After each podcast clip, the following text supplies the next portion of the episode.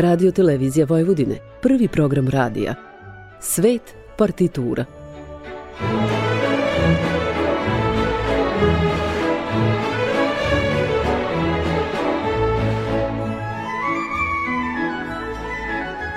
Urednik i voditelj Bogdan Đorđević.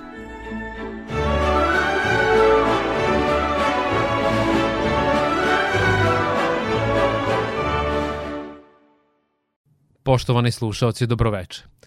Na samom početku emisije za vas smo odabrali prvi stav Allegro Brandenburškog koncerta broj 5 u D duru Johana Sebastijana Baha iz 1721.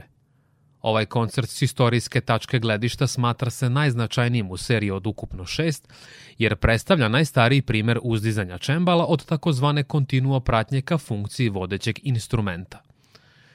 Johan Sebastian je najverovatnije na premijernom izvođenju odsvirao solo deonice napisane za čembalo, s obzirom na to da je samo kadenca zahtevala gotovo nestvarnu spretnost prstiju koju niko drugi nije posjedovao u to vreme osim njega. Kroz čitav stav čembalo ne samo da održava svoju prvobitnu ulogu, već se postepeno približava poziciji neprikosnovenog soliste u orkestru s ciljem da zvukom nadjača i zauzme značajniji tretman u odnosu na partije solo flaute i prve violine. Tokom života Bach je bio mnogo više cenjen kao izvođač nego kao kompozitor. Brandenburški koncerti bili su potpuno nepoznati za narednih nekoliko generacija sve dok ponovo nisu objavljeni 1850. u vreme obeležavanja stogodišnjice kompozitorove smrti. Originalni notni rukopis bio je u očuvanom stanju, što ukazuje na to da partitura decenijama nije bila korišćena. Bach je koncerte posvetio grofu Kristijanu Ludvigu iz dinastije Brandenburg-Šved, kojeg je tokom zime 1718-19. upoznao u Berlinu. Pred vama su sada berlinski filharmoničari i dirigent Herbert von Karajan.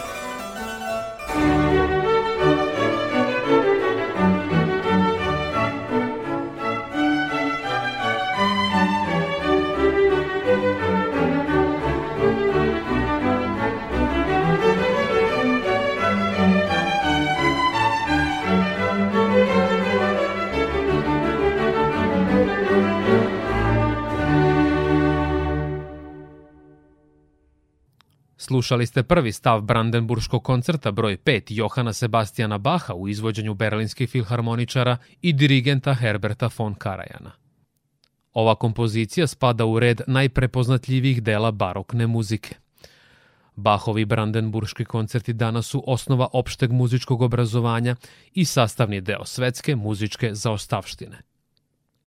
Vi ste na talasima prvog programa radija, radio televizije Vojvodine – U nastavku emisije Svet partitura slušat ćete prvi stav Allegro, koncerta za klavir i orkestar u B duru Wolfganga Amadeusa Mozarta iz 1791.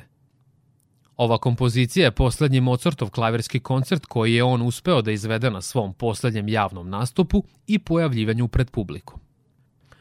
Delo ne daje nikakve naznake o Mozartovim nevoljama, finansijskim problemima i padu popularnosti kod bečke publike.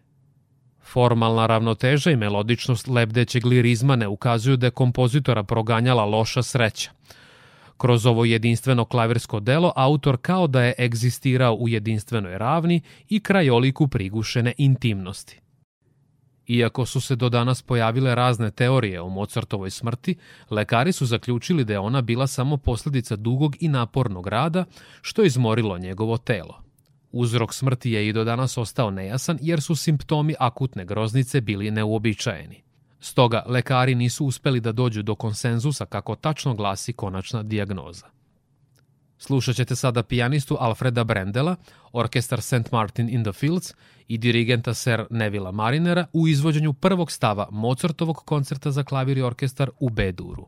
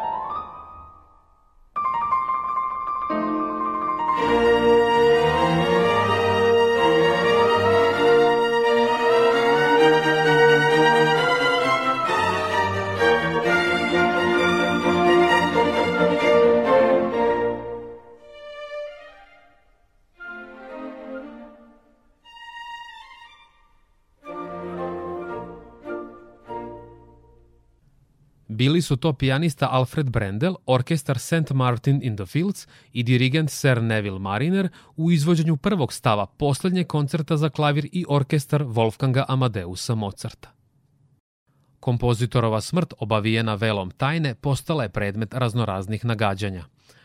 Budući da je ostalo nepoznato mesto njegovog pokopa u zajedničkoj grobnici za siromašne, danas je nemoguće doći do Mozartovih posmrtnih ostataka.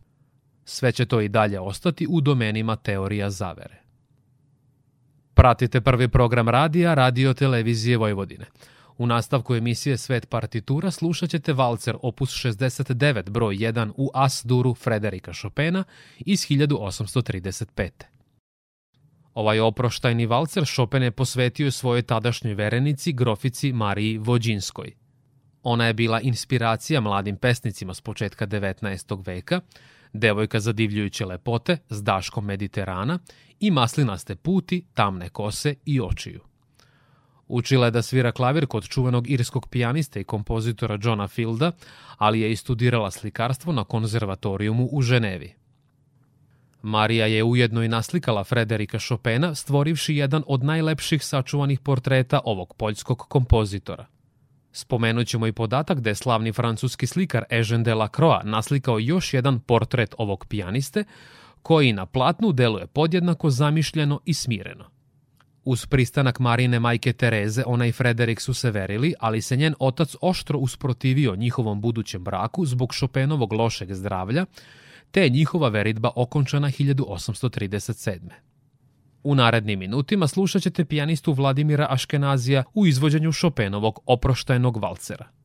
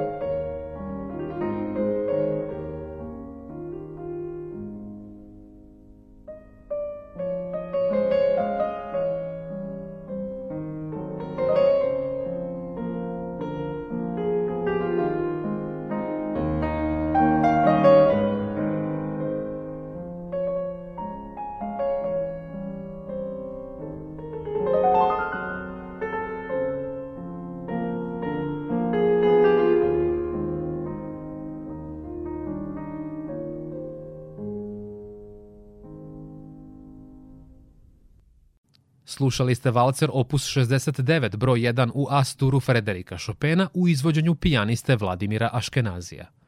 Nakon što se udala za Jozefa Skarbeka, sina krštenog kuma Frederika Chopina, po kojem je kompozitor i dobio ime, grofica Marija Vođinska se razvela i ponovo udala.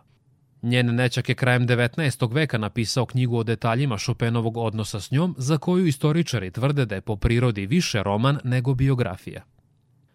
U nastavku emisije Svet partitura na prvom programu Radio Novog Sada slušat ćete utehu broj 3 u Des Duru Franca Lista iz 1850. Ova veoma popularna kompozicija koju pijanisti najčešće izvode na bis najverovatnije nastala pod uticajem Chopinovog nokturna opus 27 broj 2 iz istog tonaliteta. Sličnost između ova dva dela muzikolozi su tumačili kao omaž Frederiku Chopinu, koji je preminuo 1849. samo godinu dana pre objavljivanja listove kompozicije. Kada je mladi Franc prvi put čuo svog vršnjaka Chopina kako svira, od njega je naučio da klavir može postati sredstvo za prefinjeno izražavanje, ali i instrument za bravurozno izvođenje – Paganini jeste prokračio put transcendentalnoj virtuoznosti ovog mađarskog klavirskog maga, ali Chopinova poetičnost je ipak ostavila poseban trag zbog finesa koje će list objediniti u svojim budućim klavirskim delima. Ovaj komad predstavlja utehu za genija sa gorkom vizijom sveta, s obzirom na to da je oko sebe video isključivo licemerje i tragičnost. Pred vama je pijaniskinja Hatija Bunijatišvili i listova uteha broj 3 u Des Duru.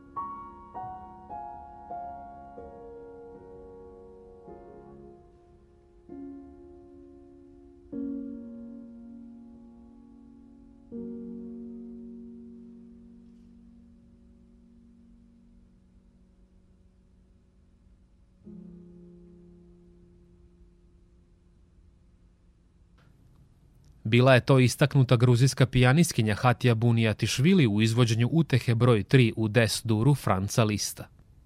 Čuveni pesnik i književnik Heinrich Heine pričao je kako je prisustvovao jednom koncertu na kojem su se dve mađarske grofice potukle oko listove burmutice. Obe su pale na pod i tukle su se do iznemoglosti. Laskanje i obožavanje publike Francu listu je bilo neophodno koliko i vazduh koji je udisao. Pratite prvi program radija Radio Televizije Vojvodine. U nastavku emisije Svet partitura slušat ćete andaluzijsku serenadu opus 28 Pabla Sarasatea, objavljenu 1883. Andaluzija je druga španska pokrajina po veličini, koja se nalazi na samom jugu. Vladavina Mavara od 8. do 15. veka ostavila je pečat na kulturi i arhitekturi ove regije, što je naročito vidljivo na građevinama poput tvrđave Alcazar u Sevilji, džamije Meskita u Kordobi ili palate Alhambra u Granadi. Često opevana u operama i literaturi 19. veka, Andaluzija i danas predstavlja esenciju Iberijskog poluostrava.